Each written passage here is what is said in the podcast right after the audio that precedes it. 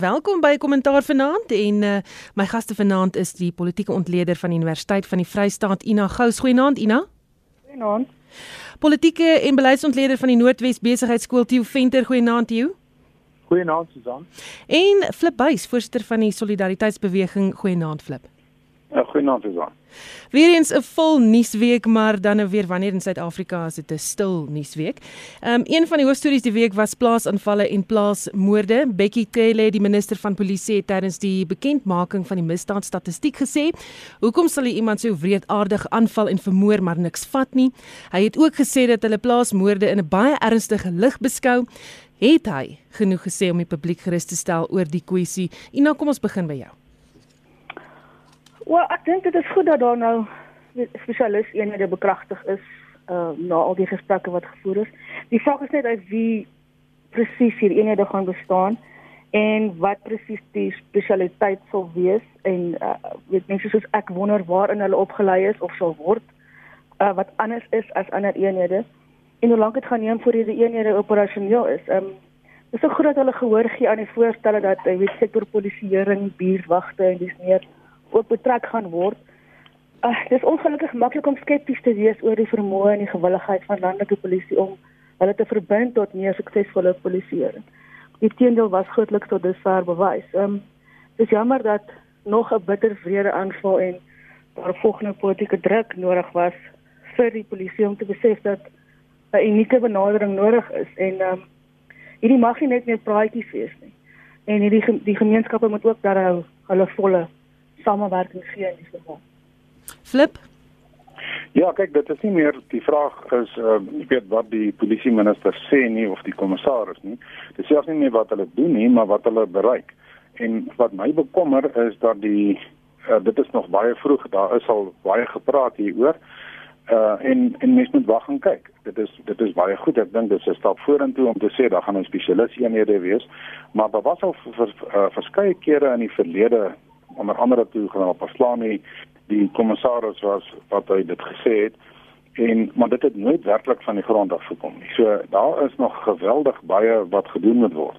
Dan wil ek net ook daarop wys dat ehm um, al die SA se syfers wat uh, regtig baie geloofwaardigheid geniet is baie hoër as die polisie se. Hulle syfers is feitelik dubbel wat die polisie wys wat die aantal aanvalle betref. En ehm um, dit is uh, besig om emosies verskriklik op te jaag. Ek dink dat wat baie nodig is ook is dat die president self moet ehm, 'n um, uitspraak maak hieroor. Hy moet hy moet sterker uitkom daarvoor. Hy moet ook wys dat natuurlik het hy begrip vir al die ander misdrywe en moorde in die land, maar uh, dit is nodig dat die president ook sy politieke ondersteuning aan hierdie tipe ehm um, veldtogte gee. Gepraat van die president, uh, die DA het in 2018 'n vraag aan die president Cyril Ramaphosa gestel waar die DA skare minister van landbou, dit was uh, of en steeds is Anet Stein, om vra hoekom hy ontken dat daar so iets soos plaasaanvalle bestaan. Hy het die ontkenning gemaak tydens 'n Bloomberg onderhoud en toe ook gesê hy hou vol dat daar nie so iets bestaan nie. Die DA het op naweek aksueel gister aangedui dat hy weer die president gaan vra oor die stelling. Theo, jou mening hieroor? Ja, ek het toevallig na daai onderhoud geluister in daardie stadium en daar is natuurlik 'n konteks en 'n mens moet as jy hierdie goed oorweeg, moet ek dink ek 'n mens moet baie sensitief wees vir die konteks. En destyds was sy antwoord op 'n Bloomberg stelling wat gemaak is uh, deur deur uh, president Trump dat daar omvangryke genocide in Suid-Afrika is. Volksmoord met ander woorde in sy breedste sin. En dit was die konteks waarteen hy geantwoord het, maar die antwoord wat uitgekom het was 'n baie onbevredigende antwoord en ek dink die president destyds was onder baie druk om 'n regstelling te maak of 'n bietjie te verduidelik wat gesê wat hy nooit gedoen het nie. Ongelukkig is president uh, Ramaphosa met al die goeie kwaliteite waaroor hy beskik, dink ek nie uh, beskik oor 'n baie goeie media kontingent wat vir hom in staat stel om die regte goed betyds te sê en as hy verkeerde goed gesê het, regstellings te maak daarop nie. En hierdie ene is een van daai dowwe kolle in sy in sy presidentskap. En ek dink die gebeure uh in in in die Jankendorp omgewing ehm um, Valarts ehm um, het 'n het 'n intensiteit geskep wat niemand ehm um, kon ontken nie. En ek stem met Flip saam. Die ehm uh, dis een ding om nou die politieke erkenning te gee of te maak wat ehm um, Becky Cele gemaak het. Daar is 'n totaal ander ding om daarteenoor op te tree. En Ina maak 'n baie reg 'n korrekte stelling en dit is wat help dit jy sê ehm um, spesialisteenhede. Sien nou maar een in Bloemfontein, een in Polokwane, waar watter vier ander dorpe wil jy kies? Daar is landbouprodusente, boere, mense op die platteland reg oor die land. Um, en daar moet 'n ander meganisme in plek gestel word.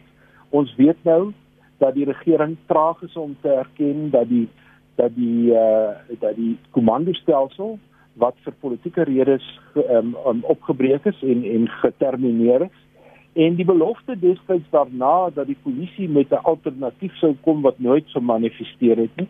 En um, daar is 'n daar is 'n groot leemte hier geskep en ek dink COVID-19 wys vir ons hoe belangrik boere en landbouprodusente is en hoe belangrik nie alleen hulle veiligheid is nie, maar gepaardgaande daarmee die veiligheid van landbou. Dan praat ons van eenvoudige goed soos back and claw, die beheer daaroor hoe veilig hoe belangrik grense is, dan dink ek veral aan die oos ehm um, grens in die in die in die Vrystaat en 'n paar ander grensgebiede. So dis 'n baie meer omvangryke strategie wat hier nodig is as om net te sê ons sal nou plaasmoorde op ons prioriteitslys sit. Terwyl jy aan die woord is, Theo, hoe beïnvloed die aanvalle en geweld in die landbousektor die land in Hebreë? Wel, die behalwe nou vir die menslike tragedie waarby mense eintlik altyd eers moet kom. Eh, gaan dit oor 'n klimaat van ehm um, vertroue. Dit gaan oor mense se moreel, hoe voel hulle oor die land? Dit gaan oor hoe mense voel oor hulle veiligheid.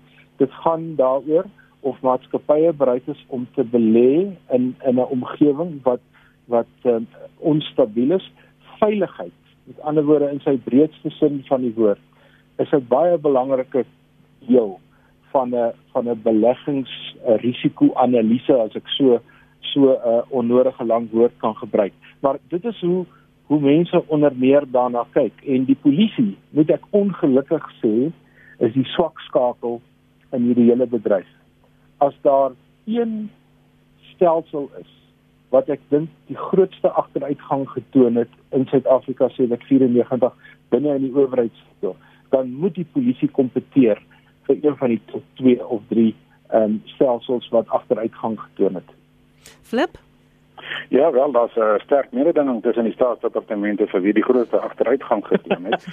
maar ek wil sê die probleem is ook baie ingewikkeld, né? Nee, mens sit met 'n probleem, dit is 'n uh, uitgestrek, ons het uitgestrekte land, uh, boere bly alleen op verspreide plase en daarom is dit belangrik om te besef dat die polisie dit nie alleen kan doen nie. En hierdie belangrike punt gemaak dat daar nie iets is wat die kommandos destyds vervang het nie. En nou sit jy met privaat sekuriteit en met 'n uh, blad plaaswagte of buurtwagte en dit is geweldig belangrik dat hulle bemagtig ook word deur die polisie om met die polisie saam te werk. Want ek kan sê daar op baie uh, stasies is daar op grondvlak baie hartlike samewerking maar by baie stasies is daar nie. Maar 'n uh, plaaswagte en buurtwagte het, het baie min magte en dit is dit is belangrik dat hulle ook meer magte kry om daardie vakuum te vul wat die ontdinning van die kommandos gelaat het en wat intussen nooit weer gevul is nie. En 'n vakuum, soos ons weet die natuur verdra nie 'n vakuum nie as daar nie 'n polisie teenwoordigheid is en veiligheidsnet is nie, dan word daai vakuum dan gevul met uh, kriminele bendes. En dit is ook wat die verskil is wat nou begin na vore kom is dat dit nie meer net individue wat plase aanval nie, jy, jy kry nou al hoe meer dat daar georganiseerde bendes is en praktieke soos ontvoering van gebruik maak dan uh, natuurlik ehm uh, weer baie wreedaardige aanvalle maar die oplossing is die vir my die goue driehoek tussen die polisie wat primêr daarvoor verantwoordelik is vir die magte het die privaat sekuriteit maar dan ook plaaswagte en buurtwagte moet ook wetlik bemagtig word op verskillende maniere om meer te kan doen wat dit betref Ina Ek weet dan nog buite voeg daar. Ehm um, ek weet dit in die landelike gebiede is is is soos al gesê dit dis wyd versprei en daar gaan baie spesifieke manier van polisieering um toegepas moet word. Dit gaan baie geïntegreerd moet gebeur met ander um, sektore en die bemagtiging moet ook gepaard gaan glo ek met sekere opleiding. Um so daar gaan nog baie werk gedoen moet word om om dit alles produktief te hou. Terwyl jy aan die woord is, die misdaadstatistiek dui ook aan dat moord, seksuele oortredings en taxi-verwante moorde aan die toeneem is. Wat is aan die gebeur in Suid-Afrika? Wel, kom ek fokus vir die oomblik dan op geslagsgeweld. Want die syfers is van so oud dat mens byna 'n kortsluiting in jou brein kry as jy dit lees. Ehm um, 2695 vroue en 343 kinders is vermoor. Dit is verskriklike getalle. 380 verkrachtings by skole en tersiêre inrigtinge. Oor die 53000 voorvalle van seksuele oortredings is aangemeld in die tydperk van die van die verslag. Ehm um, die krisis blyk te groot te wees en die stryd verlore te wees, maar onder geen omstandighede kan ons nou opgee. Die probleem is dat ehm um, die geheel van die verskyning so groot is. Jy weet van kulturele kwessies, sosio-ekonomiese bydraende faktore en dan die groot probleem van uh, my insiens die oneffektiewe um, jy weet strafregstelsel. Dit wat 'n plek moet wees die oomblik wat die vrou of die kind 'n seksuele oortreding aanmeld, moet behoorlik onder oë kom en bemagtig word. Die persoon moet veilig voel om die saak aan te maak. Die persoon wat die klag neem moet behoorlik opgelei wees en vermy om die slagoffer bang, ongemaklik of skuldig te laat voel. Maar eerder met professionaliteit en deernis met hulle om te gaan en nie die klagte ignoreer nie. En ons het baie gevalle wat ons hoor wat dit gebeur.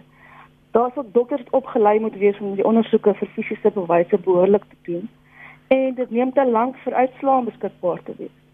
En dan die howe, sal moet kyk daarna om nie langer toe te laat dat byvoorbeeld die slagoffer se seksuele gedrag voor die insident voorgehou mag word as redes of verskonings waarom die seksuele aanranding die resultate daai situasie was nie. Ons het in die geheel onbekwame staat en hierdie skokkende statistieke is net nog 'n tragiese bewys daarvan. En ek weet nie waar om te begin om dit op te los.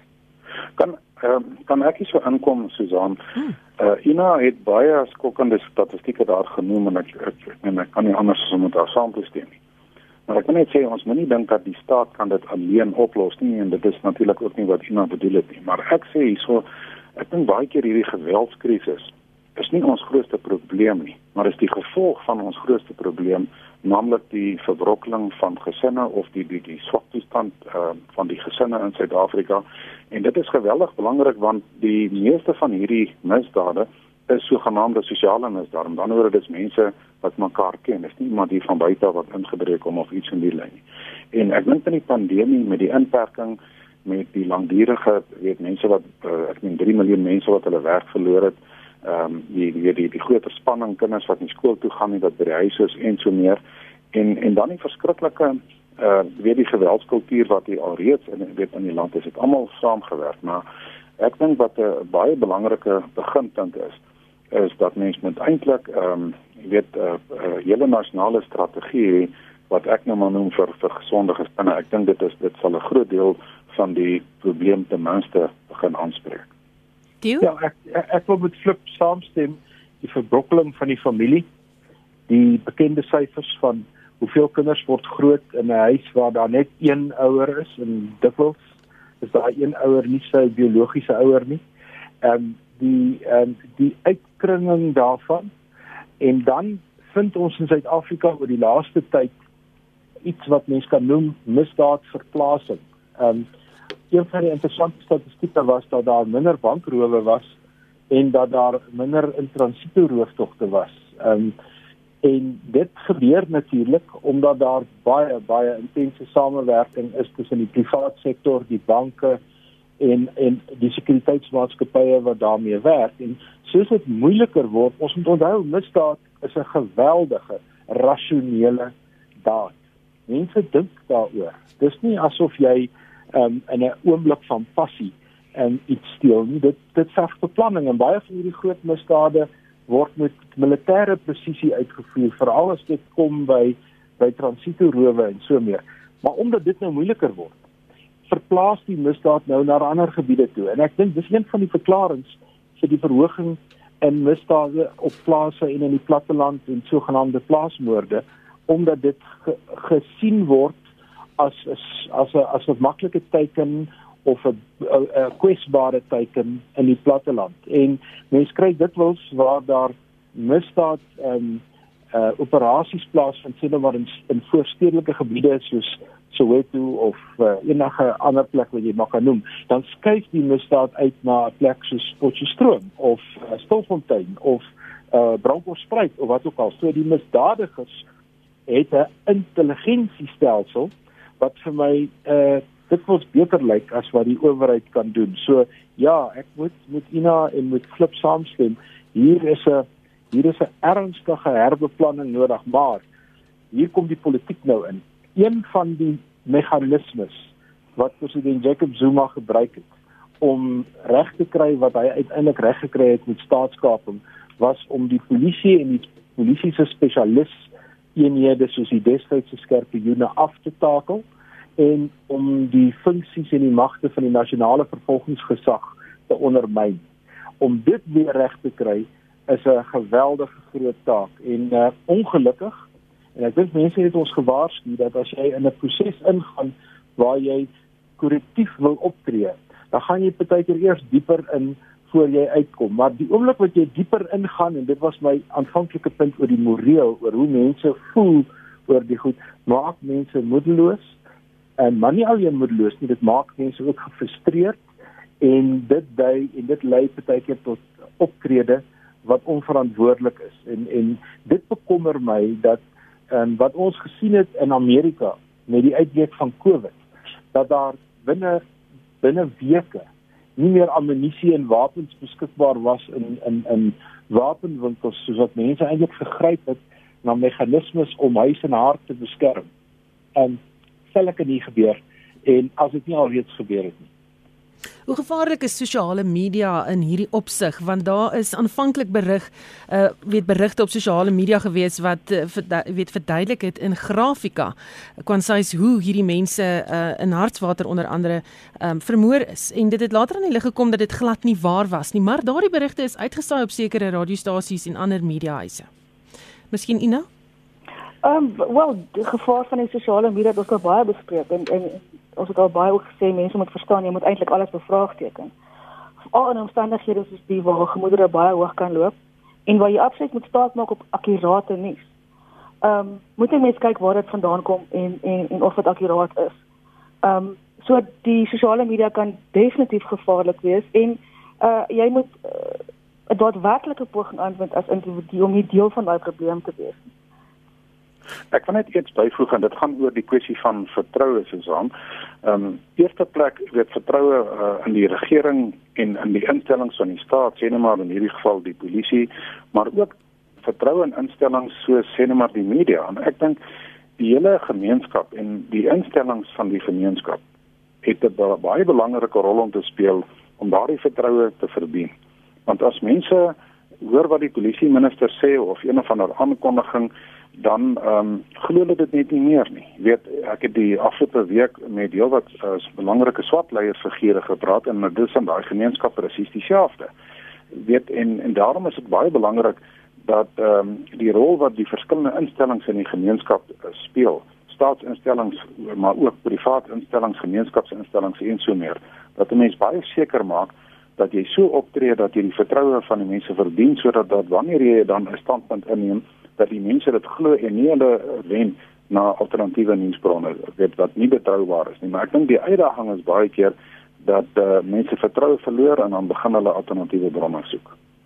Gepraat van die ANC en vertroue, daar was 'n sosiale media veldtog gewees waarin uh jy weet van die lede van die ANC beoog het om die party se naam in ere te herstel, maar die publiek het letterlik gesê voetsek ANC, dit was 'n hitsmerk.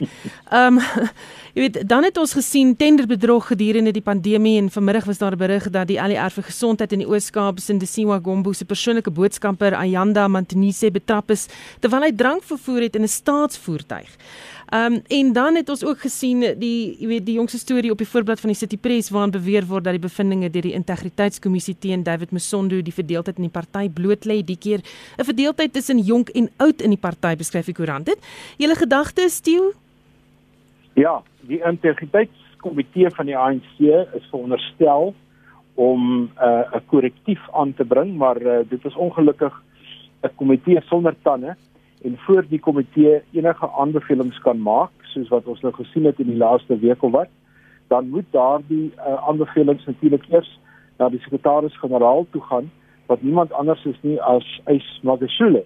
En as dit nou eers by hom verby is, dan is dit of aanvaar of dit is verander of dit is op een of ander manier gemanipuleer en uh, dan moet die ANC optree. So eintlik is hierdie komitee 'n interessante komitee en dit is omtrent dit.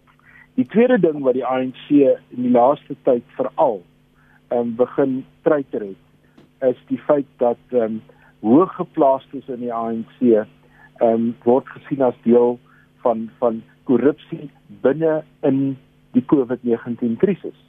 Soos wat Amerika sit met 'n pandemie en binne in die pandemie sit hulle met 'n met 'n aktivistiese beweging soos Black Lives Matter, so dis amper een klein dingetjie binne in 'n groter ander ding. So sit ons met COVID-19 en korrupsie. Korrupsie binne in die krisis. En uh ek dink die ANC is besig om 'n geweldige um, reaksie te kry in in feitelik alle gemeenskappe. En um, ons moet weet dat daar is 'n verkiesing volgende jaar. Ek dink nie die ANC gaan dit regkry om die verkiesing uit te stel nie. Hy mag miskien later plaasvind, maar hy moet hy moet eers volgende jaar plaasvind. En ehm um, hulle gaan akslaag kry op verskillende plekke oor wat ons wat ons nou sien. En ek dink dis waar hierdie veldtog vandaan kom. En ehm um, die Amerikaners het 'n baie mooi naam daarvoor. Hulle praat van spin control of uh, gewoon net um, politieke political damage control skade beheer ek dink dit is te laat en Flip het net nou gesê dat um, die gesprekke wat hy ook met mense in ander gemeenskappe gehad het is daar 'n daar is 'n daar is 'n vlak van sinisme in Suid-Afrika wat ek lanklaas beleef het. Ek dink dit het te doen met die inperking, dat die inperking te lank aanhou en ek dink dit het te doen met die swak ekonomie en al hierdie goed saam.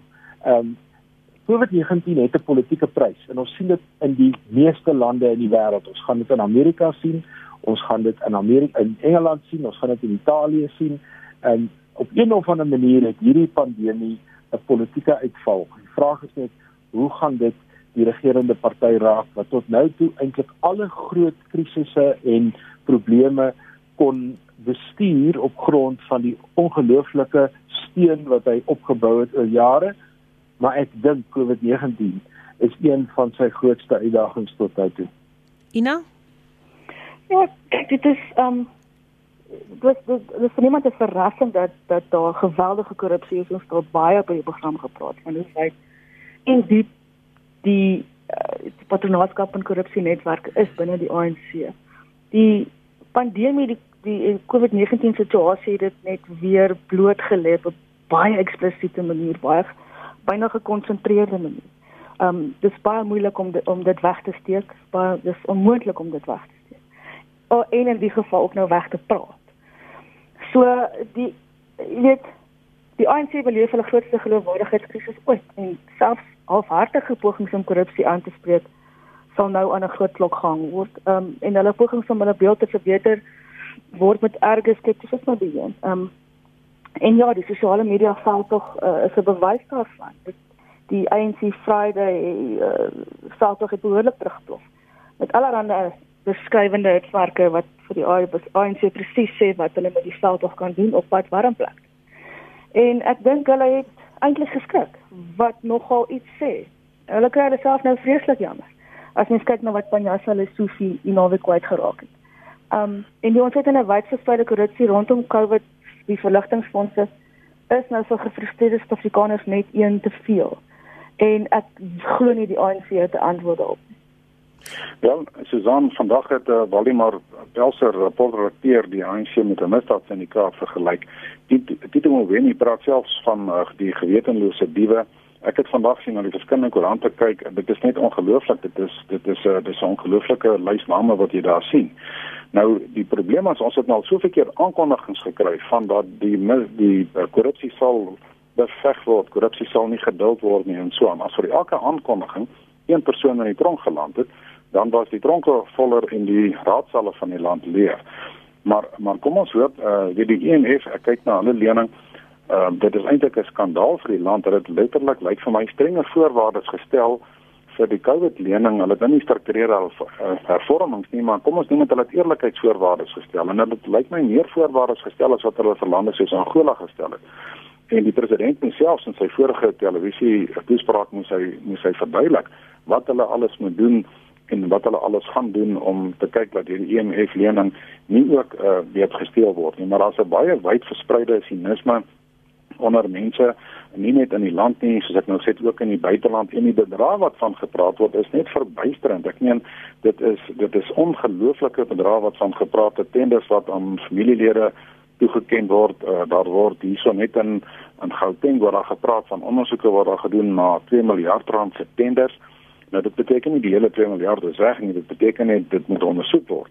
So dit is geweldige bedrag wat gaan wat, wat en dit lyk vir my as jy kyk na die binnengevegte in die ANC ook hulle nasionale uitvoerende komitee vergadering as mens uh, kyk wat van die koerante sê dan lyk dit of daar uh, as die een groep die een uh, uh, die ander faksie dan aankla maar verwys die ander faksie weer en sê maar julle moet julle julle kant ook ondersoek en so aan. So dit is 'n uh, Dit is 'n geweldige verpolitisering in die eerste plek van die korrupsie, maar dit is so wyd versprei dat 'n mens wonder of die president werklik daarteen kan optree sonder om homself sy eie magsbasis in gevaar te stel. So gepraat van die IMF e lening wat aan Suid-Afrika toegestaan is. Ehm um, ek het nie regtig gehoor dat iemand gekla het oor die terugbetaling van hierdie lening nie, maar almal was skepties oor wie gereed sit om die geld te steel en almal bekommerd dat dit nie reg aangewend sal word nie en jy het dit nog nie geantwoord nie. Flip, is jy bekommerd? Ja, ek is baie bekommerd oor die terugbetaling. Ek meen en, en dat meer is, ek dink die IMF het die tafel gedek dat hulle dat Suid-Afrika voldoen in die regering spesifiek aan aan baie streng voorwaardes in die toekoms ook voldoen wanneer daar lê nie, maar daar is my twyfel dat soos dit nou gaan met die ekonomie en ook onder die ANC nie besparingsplanne het nie, hulle het net uitgeeplanne. Hulle praat nog van heel wat uitgeeplanne. Uh, dan kan ek nie sien hoe gaan hulle dit terugbetaal nie en ek sien eintlik in 'n in 'n sekere sin uit daarna dat die IMF e wel uh, grondige strukturele voorwaardes stel die koste van die staatsdiens ek meen ons weet dit vat meer as 50 sent van jou rand wat jy in belasting betaal ehm um, dat hulle voorwaardes stel rondom die staatsbeheerde ondernemings die bestuur daarvan. Want indien dit nie gebeur nie hoe gaan hoe weet hoe gaan weet hulle kan nou al nie die berge skuld terugbetaal nie. Hoe gaan hulle hierdie skuld terugbetaal? So dis baie belangrik dat die IMF e wel voorwaardes stel as daar 'n opvolglening gemaak word sodat die ekonomie lyk my maar moet onder dwang geherstruktureer word want baie nie anders gaan dit gebeur nie en sodat dit jy ekonomiese groei kan kry sodat jy op die einde hierdie tipe lenings kan terugbetaal. Kyk, uh, dit is dis waar wat Flip sê, maar ek dink ons moet daarom ook 'n bietjie perspektief kry. Suid-Afrika is een van 'n hele klomp lande wat onder hierdie omstandighede eintlik op terme geplaas word. Ons is nie die enigste land waar aan daai voorwaardes gestel word nie. Die tweede ding is wat Suid-Afrika onderkry met sy met sy nasionale skuld en sy skuldverhouding tot sy bruto nasionale produk is die rente wat ons daarop betaal. Dis ons betaal geweldig duur omdat ons risiko hoog is.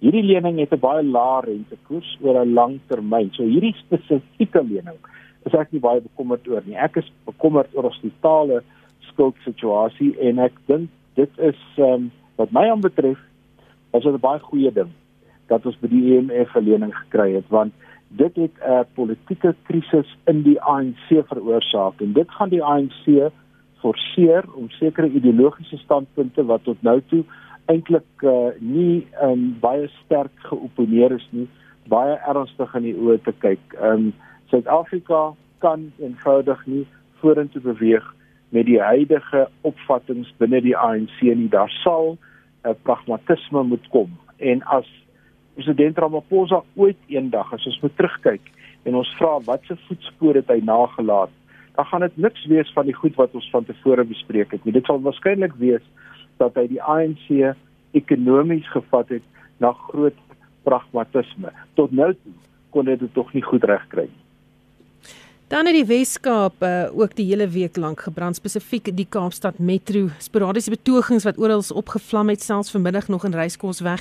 Dit blyk oor grondbesetting te wees, maar is dit al?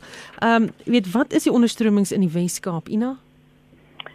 Ja, kyk, behuising in in Kaapstad is in Weskaap is is 'n kwessie wat uh, jy weet, die stad nie suksesvol lyk my aan kan aanspreek nie. Ehm um, uh, alhoewel weet baie al spandeer is aan behuising is daar geweldige ongelykheid en ongelukkigheid nog steeds. Ehm um, die wie die Mei 2020 begroting het uh, ongelukkig byna meer as 80 miljoen in die begroting vir behuising ontwikkeling gesny. So dit het blykbaar, jy weet, so na as 10 projekte wat geaffekteer word en alles stadiger maak. Daar's ook verskille oor wie baat vind by die behuising wat wel beskikbaar gestel word en dit blyk 'n rasseverdeling te wees tussen Kaaps inwoners en mense wat ehm um, by Oos-Kaap inkom om werk te soek en dan grond beset. En dit wat dan daaruit volg. Ehm um, en dan was die teergenerasie verslag ook nie gloeiend ehm um, wat dit aanbetref vir die, vir die vir die vir Kaapstad nie. Hoewel daar nie na korrupsie eh, verwys is nie, is baie van die kwessies wat die ouditeur-generaal met betrekking tot behuisingsprojekte geoffer het, uh, as gevolg van projekteplanne wat nie uh, optimaal was nie en kontrakte wat oor algemeen nie behoorlik bestuur is nie. So al dit help ook nie die situasie nie. En sonder twyfel is die wyse waarop uitsettings plaasvind soms vreed en ongevoelig en dit mag nie so voortgaan nie. Maar mens moet kyk aan aan aan aan uh, die die toekoms aan sustainability, ekskuus kan Afrikaans daarvan aan die kry. Volhoubaarheid. Kan nie volhoubaarheid van, van die beleid. Uh, Dankie Flim. Ek weet die die die langtermyn effek van van uh jy weet behuising en en die dienste wat daarmee saamgelewer moet word en hoe daar omgegaan moet word met onwettige besetting. Uh, dit kan 'n mens ook nie sommer net toelaat nie. Um so hulle sit self in 'n baie moeilike situasie, maar ek dink tog daar is soms gevalle waar hulle dit nie behoorlik aanspreek nie en soos ons sien dat sommige projekte en kontrakte nie behoorlik bestuur word nie. Flip jou gedagtes oor Kaapstad Metro Weskaap. Wel, ek dink die daar's 'n huidige probleem, die wat soos wat uh, ek nou genoem het, die dan sou ook 'n spanning tussen die langer gevestigde inwoners en die in die uh, Ooskaap inkomers, weet soos hy nog sê oor die verdeling van van hulpbronne soos soos behuising, daar's daar's geweldig baie klagtes en daar's onder groot dele van die breingemeenskap is daar al hoe meer ongelukkigheid oor die hantering van van poste, weet werksgeleenthede in die staat, sien die staat, privaat sektor en so aan en dan natuurlik ehm um, weet op ons huise. Maar wat my bekommer is dat die impak van hierdie regulasies byvoorbeeld op die wynbedryf, hierdie Weskaap het alreeds die Weskaapse wynbedryf alleen het alreeds tot dusver net hierdie afgelope paar maande 'n beraamde 4,5 miljard rand verloor. 18000 poste is in gevaar. En ehm um, dit is hoekom dit so belangrik is dat dit ook in ag geneem word van van hierdie groeiende armoede wat hier kan ontstaan as gevolg van die krisis in die in die wynbedryf kan ook weet verdere gevolge in die weet in die toekoms hê as meer mense werkloos raak en meer mense trek net maar dorpe toe op soek na behuising en weet hulle gaan dit nie hulle gaan dit nie kry in hierdie situasie nie.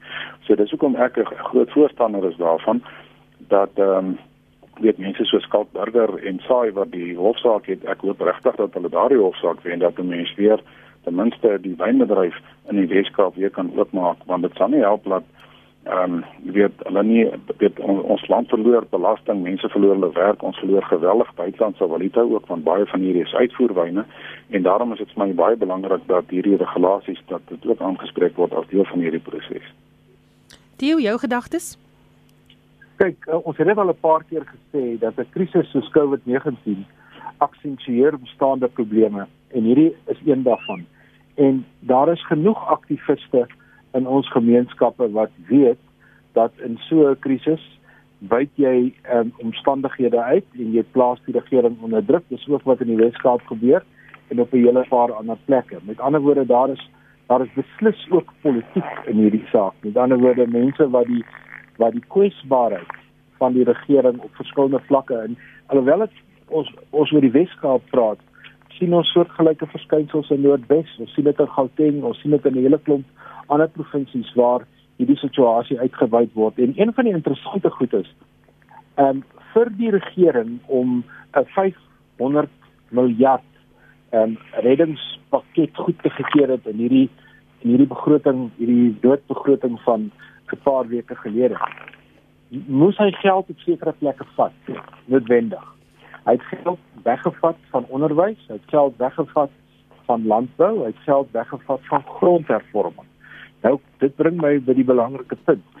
Hierdie krisis het eintlik die noodsaaklikheid van grondhervorming want daar's baie geld nodig vir grondhervorming wat natuurlik ook behuising insluit en het dit natuurlik baie minder gemaak en ons gaan 3 of 4 jaar vat om weer by die finansiële posisie uit te kom wat ons in die loop van verlede jaar sou gehad het om dit te hanteer. Wat beteken druk op die regering gaan nog meer toeneem en hierdie hele kwessie van grond, grondhervorming, behuising die uitbreiding van gemeenskappe 'n groeiende bevolking maak gaan met Suid-Afrika maak wat die vorige 3 groot projekte wat ons aangepak het in 1913 en 1936 en in die in die in 70er jare met die tuislande en nie een van daardie drie kon ooit suksesvol deurgevoer word boonbehalwe nou die ideologiese en politieke redes maar om finansiële redes.